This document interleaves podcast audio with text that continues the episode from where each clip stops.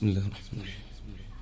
سبح اسم ربك الأعلى الذي خلق فسوي والذي قدر فهدي والذي أخرج المرعي فاجعله غثاء أحوي. سنقرئك فلا تنسي إلا ما شاء الله.